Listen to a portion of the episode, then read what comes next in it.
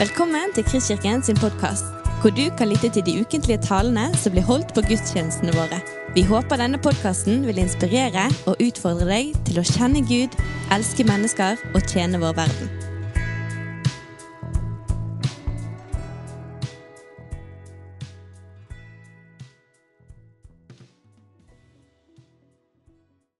Svidd og visnet fordi de ikke hadde fått slå rot. Noe falt blant tornebusker, og tornebuskene vokste opp og kvalte det så det ikke bar frukt. Men noe falt i god jord. Det skjøt opp, vokste og bar frukt. 30, 60, ja 100 ganger det som ble sådd. Og han sa, Den som har ører å høre med, hør! Da han var blitt alene med de tolv og de andre som var med ham, spurte de ham om lignelsene. Han svarte, Til dere er hemmeligheten om Guds rike gitt, men til dem som er utenfor, blir alt gitt i lignelser. For de skal se og se, men ikke skjelne, høre og høre, men ikke forstå, så de ikke vender om og får tilgivelse. Og han sa til dem, Når dere ikke forstår denne lignelsen, hvordan skal dere da forstå noen annen lignelse? Såmannen sår ordet. De ved veien er slike som ordet blir sådd i, men straks, når de har hørt det, kommer Satan og tar bort ordet som ble sådd i dem. På samme måte er det med dem som ble sådd på stengrunn. Det er de som straks tar imot ordet med glede når de får høre det. Men de har ingen rot og holder ut bare en tid. Når de møter motgang eller forfølgelse for ordets skyld, faller de straks fra. Andre igjen er de som blir sådd blant tornebusker. De hører ordet, men dette livets bekymringer, rikdommens bedrag og lysten på alle andre ting kommer inn og kveler ordet så det ikke bærer frukt. Men de som blir sådd i den gode jorden, er de som hører ordet, tar imot det og bærer frukt 30, 60, ja 100 ganger det som ble sådd. Gode Far i himmelen, vi takker deg for ordet ditt. Dyrebart er det. Hjelp oss alle til å ha ører, så vi hører. Amen. Ja, Jesus talte i lignelser. Hva er en lignelse? Parable på engelsk, som er egentlig nokså direkte fra det greske. Noe som er ved siden av, satt ved siden av. Det vil si noe fysisk, synlig, kjennbart. Som kan kaste lys over noe usynlig og ikke så kjennbart.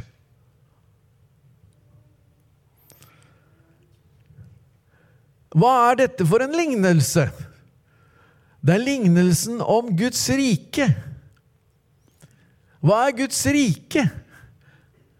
Ja, det må jo være at Guds kraft kommer fra himmelen ned på jorden og omdanner og forvandler situasjoner i de som tar imot denne kraften ifra himmelen. Det er i stand til å transformere våre liv. Løse oss fra bånd og lenker, sette fri. Jeg tenker på det Jesus sa i sin diskurs med jødene, referert til Johannes 8, hvor han sier at dersom henvendt til disiplene dere blir i mitt ord, eller setter opp teltet der, tar bolig i mitt ord. Ikke er på gjesting. Nei, bor i mitt ord. Da skal dere kjenne sannheten, og dere skal være mine disipler. Og sannheten skal sette dere fri. Det var ikke tomme ord. Ikke fullkomment, det blir vi først i himmelen, men enten momentant og mirakuløst der og da, eller gradvis blir vi satt fri. Hva er nøkkelen? Det er det første ordet Jesus sier. Og nå skal vi være klar over at jeg, har, jeg har vært i Israel, og dette er ikke så langt ifra Kapernaum, der han hadde sin bolig.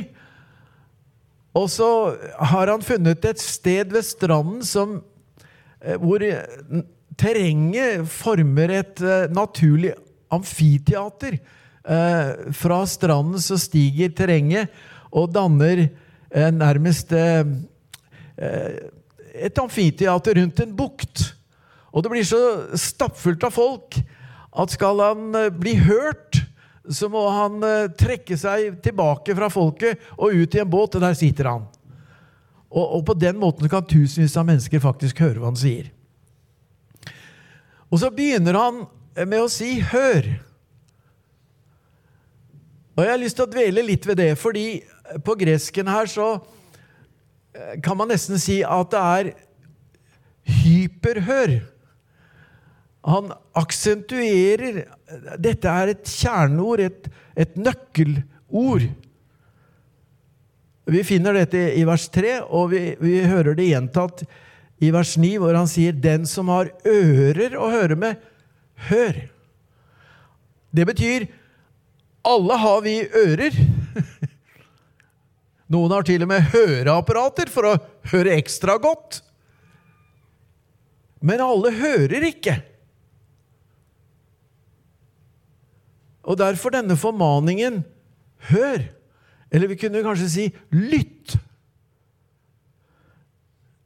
Det er, er interessant at Markus eh, bruker eh, dette med å høre fire ganger før denne lignelsen og 40 ganger i resten av evangeliet sitt. Ja, hvorfor er dette så avgjørende? Jo, fordi det har å gjøre med å høre for å kunne bli del av Guds rike. Troen kommer, sier apostelen Paulus i eh, Romerbrevet kapittel 10, vers 17. Troen kommer. Det er jo trøstefulle ord. Den kommer gående, den kommer mot meg. Hvordan kommer den? Gjennom hørelsen av Kristi ord. Det er det ordet jeg hører, som bringer troen inn til meg. Vi er gjenfødt, sier eh, apostelen Peter, Eh, av Guds ord som lever og blir. Det er ordet som skaper troen som fører oss inn i Guds rike.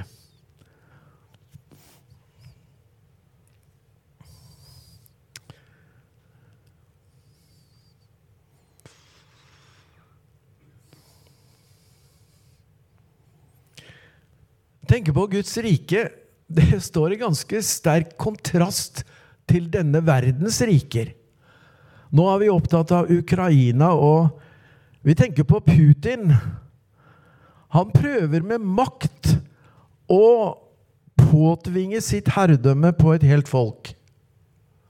Og slik er det, og har vært igjennom historien, at verdensrikene, det er maktutfoldelse. Det er eh, de tvinger seg på deg, så å si. Og selv demokratiet er jo en form for maktutøvelse. Det er flertallet som eh, regjerer. Og du kan leve hele livet her i Norge og være et mindretall, og aldri den du valgte, kom til makten. Men annerledes er Guds rike. Det kommer faktisk ved å høre. Og han som introduserer Guds rike, himmelkongen, skaperen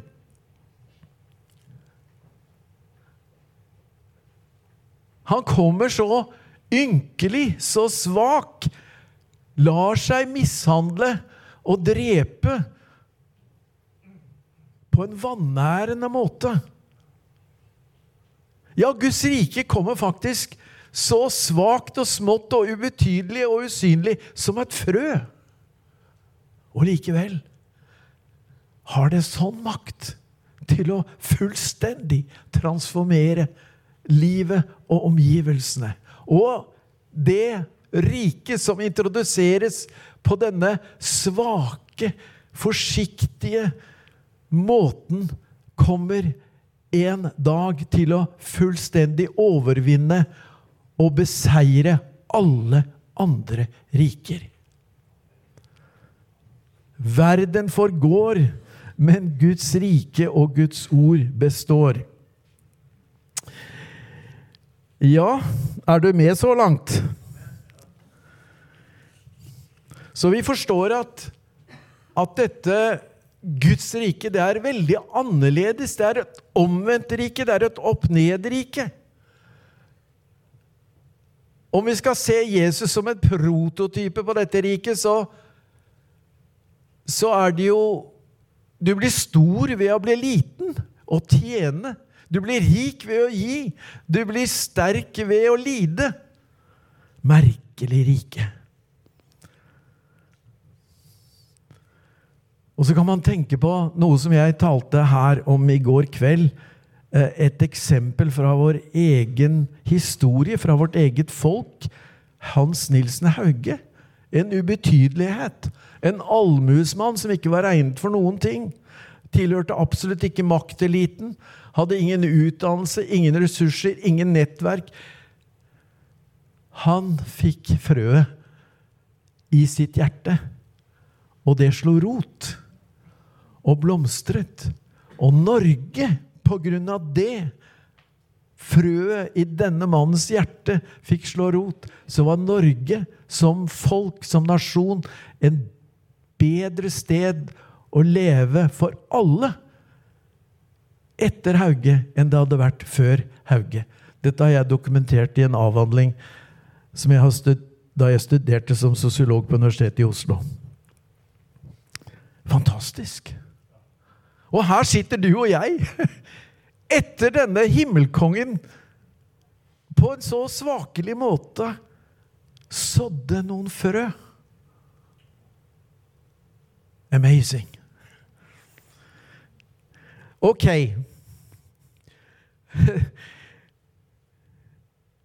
Merkelig nok så forsto jo ikke disiplene denne lignelsen. Og det er jo ikke som om Jesus er litt oppbrakt og nærmest eh, forundret. For han sier, 'Forstår dere ikke denne lignelsen engang?' 'Hvordan skal dere da forstå alt det andre jeg har sagt og kommer til å si?' Hva vil han si med det? Mange fortolkere mener at dette er nøkkellignelsen som Jesus kom med. Denne korte passasjen vi har lest sammen. Det er faktisk den mest sentrale lignelsen som Jesus noen gang delte med sine samtidige. Og når Jesus da, heldigvis for oss, legger ut og fortolker hva han sa, så skal jeg prøve å fortolke det Jesus sa. skal vi få det inn med teskjeer? For det er jo sånn vi, vi ofte må ha det. Keep it simple. Stupid, har du amerikanerne sier, da. Altså, vi må ha det enkelt. Og Jesus var jo superenkel. Egentlig er elementene som forklarer hvordan Guds rike kommer og vokser, avhengig av to ting. Et såkorn og et jordsmonn. Så det han fokuserer på her, er såkornet og jordsmonnet. Nå vet ikke jeg om du er en sånn byboer i fjerde etasje i en boligblokk. Da har du kanskje ikke gjort særlig mye erfaring med å så frø og ha en grønnsaksseng. Eh, jeg bor på landet. Jeg er ikke urban. Eh, jeg bor faktisk på en bondegård. Og, jeg har sådd eh, grønnsaker. Og hvis du har en sånn pose som du da kjøper, så står det bakpå kanskje 80 spiredyktig. Ja vel, jeg kan si deg Guds ord er 100% spiredyktig. Hebrevets forfatter sier i kapittel 4 vers 12 at det er levende og kraftfullt. Virkekraftig. 100% spiredyktig. Fins ikke noe feil med det ordet.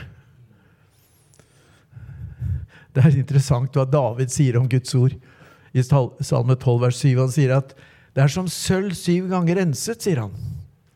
Ja, hvordan da? Jo, sølvsmeden varmet opp sølvet så det ble flytende. Så kom slagget til overflaten, og så skummet han av slagget. Ja, og så varmet han opp det enda mer. Så kom det nye slagstoffet frem. Skummete mat. Til slutt hadde han, etter syv runder, rent sølv. Hvordan da?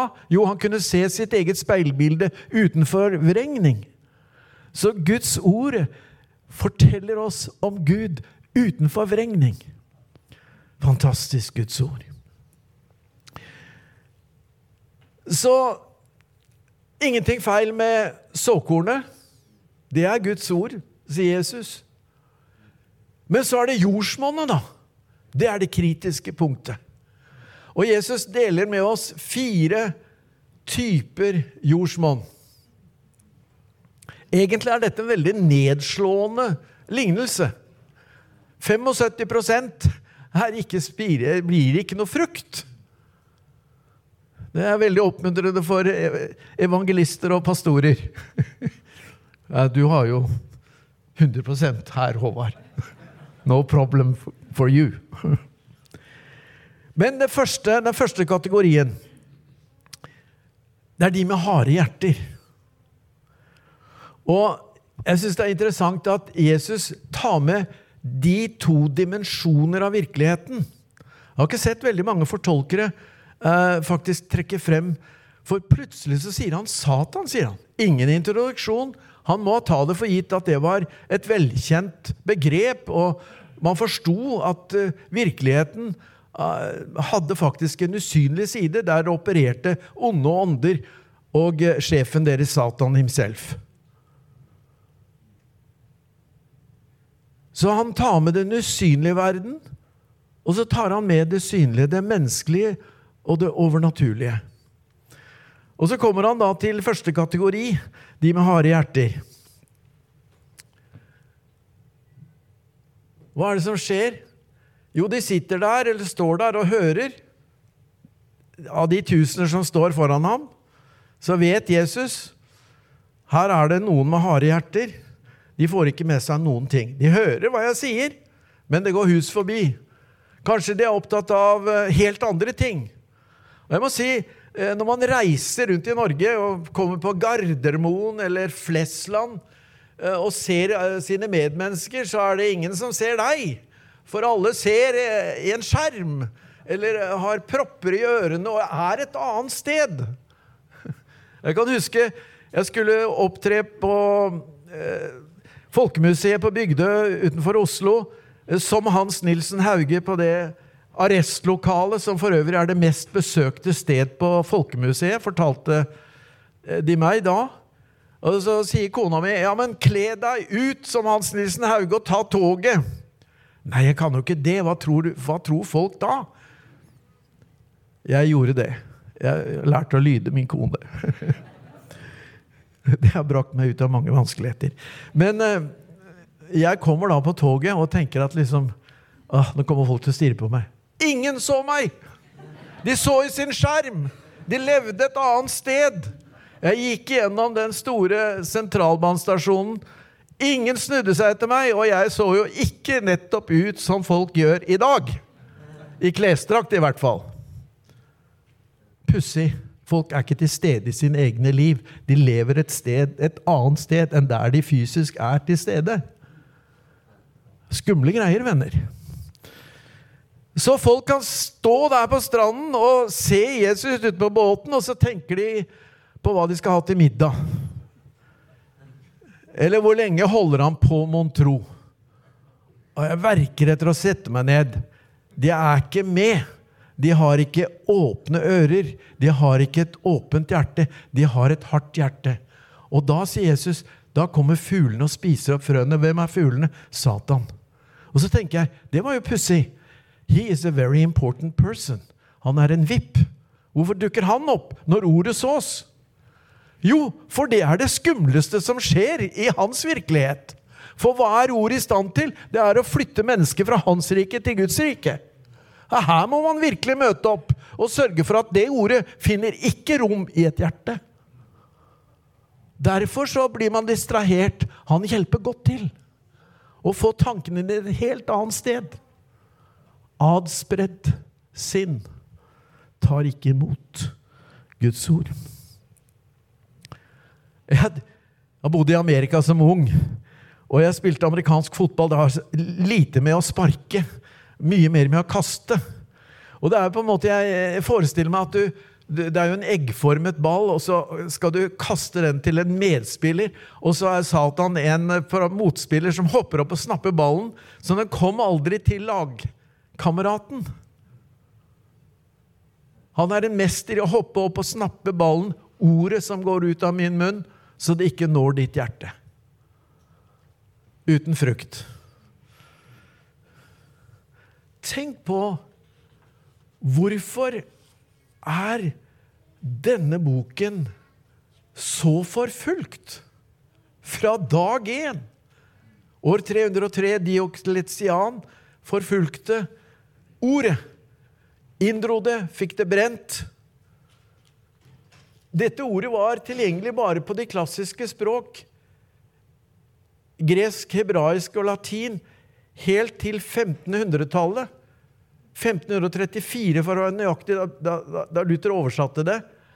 Og William Tyndale, eh, engelskmann som kunne fem europeiske språk utenat, for øvrig, foruten de tre klassiske språk, ble betatt av Luther, reiste til kontinentet, oppsøkte ham og satt i skjul og oversatte Bibelen til engelsk. Så ble han forrådt, kvalt og brent i 1536. Før han døde, så ropte han ut 'Gud, åpne den engelske konges øyne. Tre år etterpå så besørget kong Henrik den 8. at Tyndales Bibels ble distribuert til alle kirker i England. KGB. Vi har en venninne som er en av våre ledere i Russland. I Rostov-Vedon. Olga heter hun, eller Olja. Hennes mann var KGB-agent. Konfiskerte bibler hos kristne mennesker. Eh, samlet dem i garasjen og, og inne i huset. Og Olga ble nysgjerrig. Hva er det som er så farlig med den boken? Jeg begynte å lese den og kom til tro. I dag er hun en av våre ledere i Russland. Det er et eller annet med denne boken som djevelen er veldig redd for. Kommer i hendene på folket og blir forstått og tatt imot. Det andre hjertet er et grunt hjerte. Og jeg tenker tilbake på amerikansk fotball. For der er det slik at det er ikke om å gjøre å ta ballen, men å ta mannen. Så hvis du får en sentring og får denne her eggeformete ballen og tviholder på den, hva tror du motparten gjør da? De stormer løs på deg for å velte deg i bakken og fravriste deg ballen. Det er takling, kalles det. Og det er akkurat den strategi nummer to. Hvis djevelen ser at du tok imot og blir glad, da har han strategi nummer to for deg. Da kommer du hjem glad fra møtet og hørt om helbredelse og halleluja! Dette her går til seger! Du har hørt noen å si det for noen år siden. Ja, i en viss by i Sverige. Ikke det? Nei vel. Ok, vi er langt unna Sverige her, ja. Men eh, poenget er jo at da kommer han etter deg. Og du er så glad da du legger deg og full av tro, og så neste morgen så har du så sår i halsen og kan nesten ikke svelge. Hvor ble det av den troen jeg hadde i går kveld da jeg kom så begeistret fra møtet? Borte vekk. Han går løs på deg. Jeg nevnte i går en russisk ungdomsvekkelse, studentvekkelse, før Lenin gjorde kupp i 1917 i Russland. Jeg har lest fra en eh, russisk baron som bodde i Vyborg, som var en, et instrument i den studentvekkelsen. Da revolusjonen kom, og det ikke lenger var kult og hipt og herlig å prise Gud, så falt de som var emosjonelt tiltrukket og begeistret for evangeliet og for Jesus, fordi det var inn! Og mange sluttet seg til. De ble borte. Hvem var det som var igjen? De som hadde ordet hadde fått røtter i hjertet. De som hadde overgitt viljen sin. De ble stående. De andre forsvant. Jesusvekkelsen! Jeg kom med i Jesusvekkelsen 1972. Du husker det? Hvor, hvilket herlig år det var! Nei, du var bare en tanke i Guds hjerte. Men jeg skal fortelle deg, da svulmet ungdomsmiljøene opp i kirke til kirke over hele landet vårt. Hvor ble det av dem? Mange falt fra. Hvorfor? Det var en begeistring. De var med i et a movement. Og så ble det ikke lenger så herlig og heftig.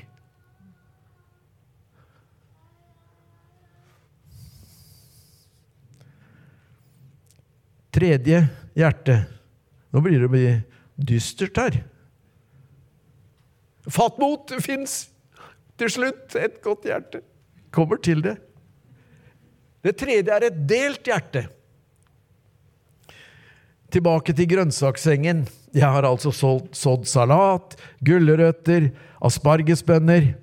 Og så går jeg og legger meg, og så går dagen, og så går det noen uker, og så kommer jeg ut for å se hvordan det står til ute i denne grønnsakssengen min.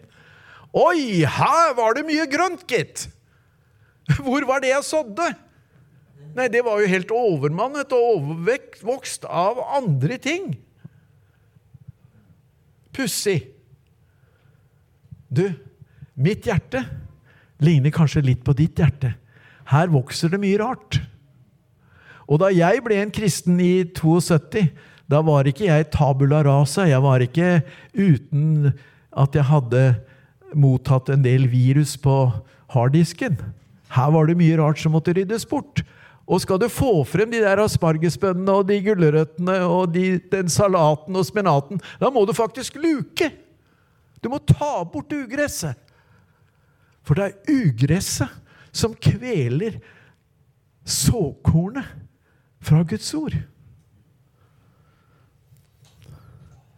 Og så er Jesus ganske spesifikk. Han nevner tre spesielle ugress som er i stand til å kvele ordet. Første er bekymringer. Du har vel aldri vært bekymret? Du som bor i Bergen, om du ikke bor i paradis, så bor du tross alt i Bergen. Denne vakre byen som har ansiktet utad mot verden, mot Vesten, mot havet. Alltid frisk bris. og nok av regn. Halleluja. I dag duskregner det igjen. vi trodde nesten vi var et annet sted i går da solen skinte, men eh, Men eh, vi kan bekymre oss for nesten alt mulig, og det meste er helt ubegrunnet. Det slår aldri til, bekymringene du går og bærer på. Og da har eh, Gudsordet et tips til deg, en motvekt. Paulus sier det. Han kunne ha et og annet som gjorde at han mistet nattesøvnen. Men han sier i Filipperne 4, 6 og 7.: Vær ikke bekymret for noe! Ingenting! Hva? Mener du virkelig det? Ja. Hva skal du gjøre, da? Legg det frem for Gud i bønn og påkallelse og takksigelse. Og så skal han sørge for skiltvakt. Han setter ut gardister med skarpladd våpen som hjelper deg til å beholde tankene på Jesus Kristus i en fred som overgår forstanden. Du skulle ikke være så ubekymret og glad. Jo da, for jeg kan ordet. Jeg har latt det få rot i mitt hjerte. Jeg vet hva som står der. Jeg vet hva som er en effektiv motvirk... Mot, hva, heter det? Motvekt. Rikdommens bedrag, ja, det kjenner jo vi ikke til. Hvis jeg bare får et, den kjøkkeninnredningen, da blir jeg lykkelig. Eller den bilen. Jeg har eh, Ford Kuga hybrid. Å, det var fint å få den ny. Men det mistet glansen etter hvert. Det var ikke så festlig etter tre måneder som det var første dagen. Og bare Syden! Hva gjør du når det blir trist? Drar til Syden og skrur opp lyden. Men du, det fortar seg, det òg. Det er et bedrag. Det lover mer enn det kan holde. Hvis jeg bare får det, hvis bare det skjer, da blir jeg lykkelig. Nei, det lover mer enn det holder. Og så er det lysten etter de andre ting. Vi uh, har feriert oppe i en dal østpå. La meg ikke være mer spesifikk enn det. Og Der har vi truffet en tenåringsgutt som driver med gaming. Og du kan si Han er skikkelig opptatt av gaming. Så mye så han står opp om natten og gamer med folk i Amerika, for de er bedre enn han. Og de er jo våkne når han burde sove, så han greier ikke å gå på skolen. Da er det andre ting som har kommet inn. Og det kan være en myriade av ting. Det kan være hobbyer, det kan være mat. Gourmetklubb. Er du med i en gourmetklubb? Watch out. Hobby, underholdning. Vet du hva det heter på norsk? Adspredelse. Altså Det er den mest effektive måten å miste fokus på.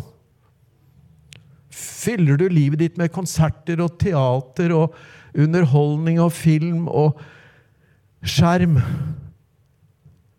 Det blir så mye støy i livet ditt. Det blir så mye fyll i din sjel at det har ingen klangbunn for Guds ord. Men et fruktbærende hjerte Nydelig! Jeg er glad Jesus tok med det, da. Det fins gode hjerter. De tar imot. De virkelig lytter. Får tak i det han sier. Slipper det inn.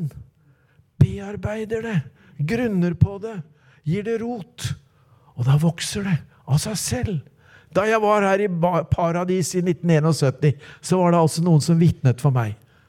Og jeg husker jeg tenkte i bakhodet Jeg lurer på om Gud lever likevel.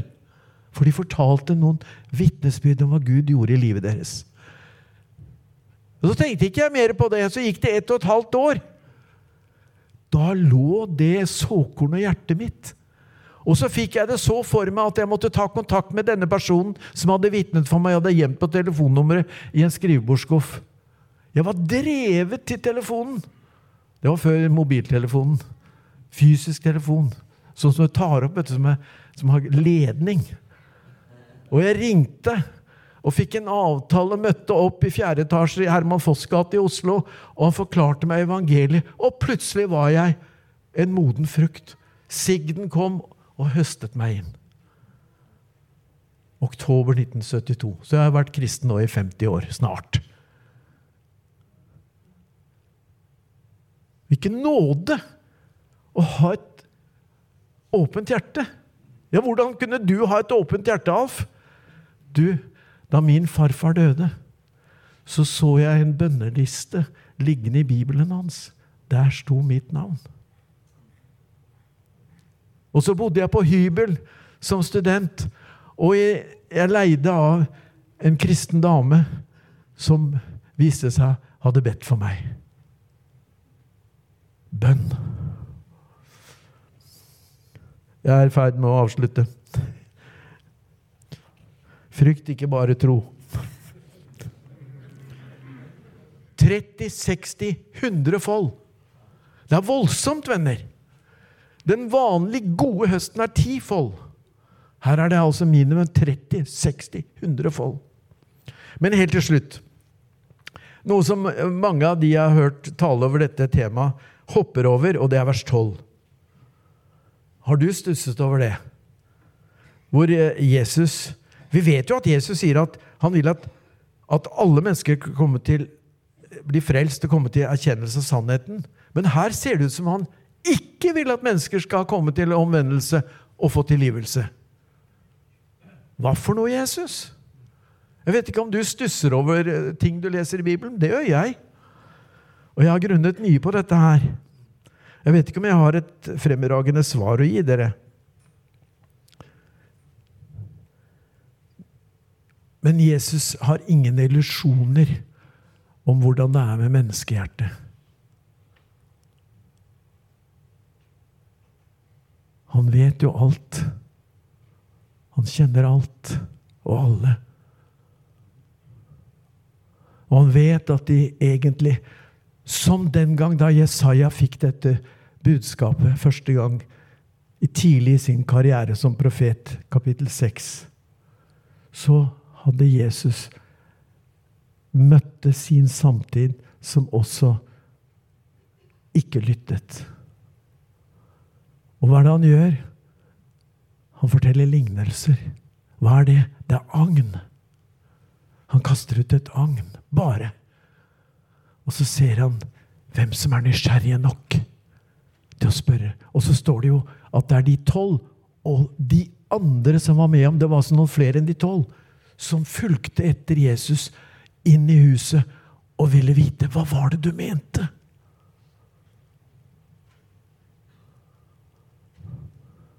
Helt til slutt. Jeg fylte 70. Sønnen min sa forleden gang 'Pappa, du er ikke 17, altså! Du er 77!' Å, jeg trodde jeg var 19. Eh, sånn er det å leve blant unge mennesker som Margarete og jeg gjør. Vi kan leve på illusjoner inntil vi ser oss selv i speilet. Men da jeg var 70, da, så hadde vi hatt vår datter og svigersønn av, to av deres to eldste gutter boende i Det skulle være noen dager til de fant et hus. Det gikk fire måneder. Og Margareta hun hun var flink og, og leste for eldstemann, fire år, eh, om Josef og brødrene. Og de brødrene var ikke helt greie. Men Josef hadde et mykt hjerte. Og så på 70-årsdagen så får jeg kaffe på sengen, og inn kommer hun med norske flagg og vår dattersønn. Og så setter han seg opp ved siden av meg, så legger han sin hånd på hjertet mitt og så sier han, 'Morfar, har du et mykt hjerte?' Hæ? Er det fødselsdagspresang? Og så står det at eh, vi får høre sannheten fra spedbarn og småbarn. Var det du som talte til meg nå, Gud? Det ble en skikkelig ransakelsesstund for morfar. Har morfar et mykt hjerte? Det verste Jesus møtte, var jo nemlig harde hjerter. Da hadde han ingenting å stille opp med. Han kunne ikke gjøre noen ting. Han var avhengig av de myke hjerter. Noen tid senere, to år senere, så er Margareta barnevakt der. Og så kommer Isak og sier til mormor Broren min, du må snakke med han. Han har ikke noe mykt hjerte.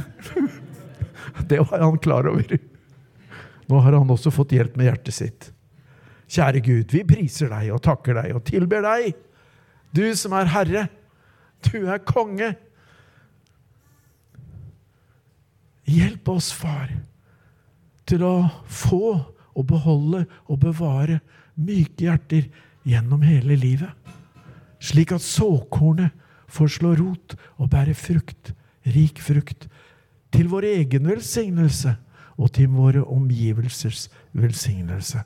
Amen.